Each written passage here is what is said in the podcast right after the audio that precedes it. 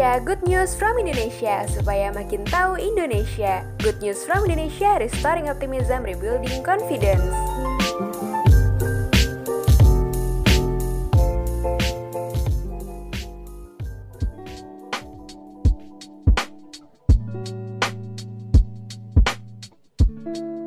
Pasti kawan sudah sering dengar panggilan pemimpin dan juga bos. Mengingat beberapa orang sering keliru terhadap istilah ini, maka penting untuk mempelajari perbedaannya.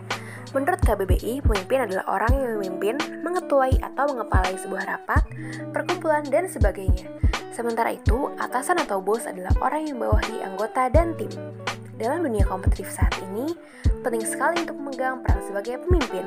Hal ini bertujuan untuk meningkatkan kinerja dan menjamin kesuksesan sebuah tim. Simak kiat-kiat agar kawan menjadi seorang pemimpin. Yang pertama, fokus pada tujuan.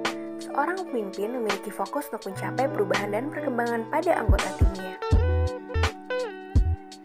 Pemimpin juga selalu memiliki tujuan untuk mencapai visi yang telah ditetapkan. Pemimpin juga tidak segan untuk membantu anggota agar semakin bertumbuh di berbagai aspek. Di sisi lain, atasan biasanya tidak tertarik dengan proses yang dilalui anggotanya. Baginya yang terpenting adalah keuntungan dan hasil finansial yang terbaik. Yuk simak artikel selengkapnya di www.goodnewsfromindonesia.id supaya kamu menjadi seorang pemimpin, bukan atasan.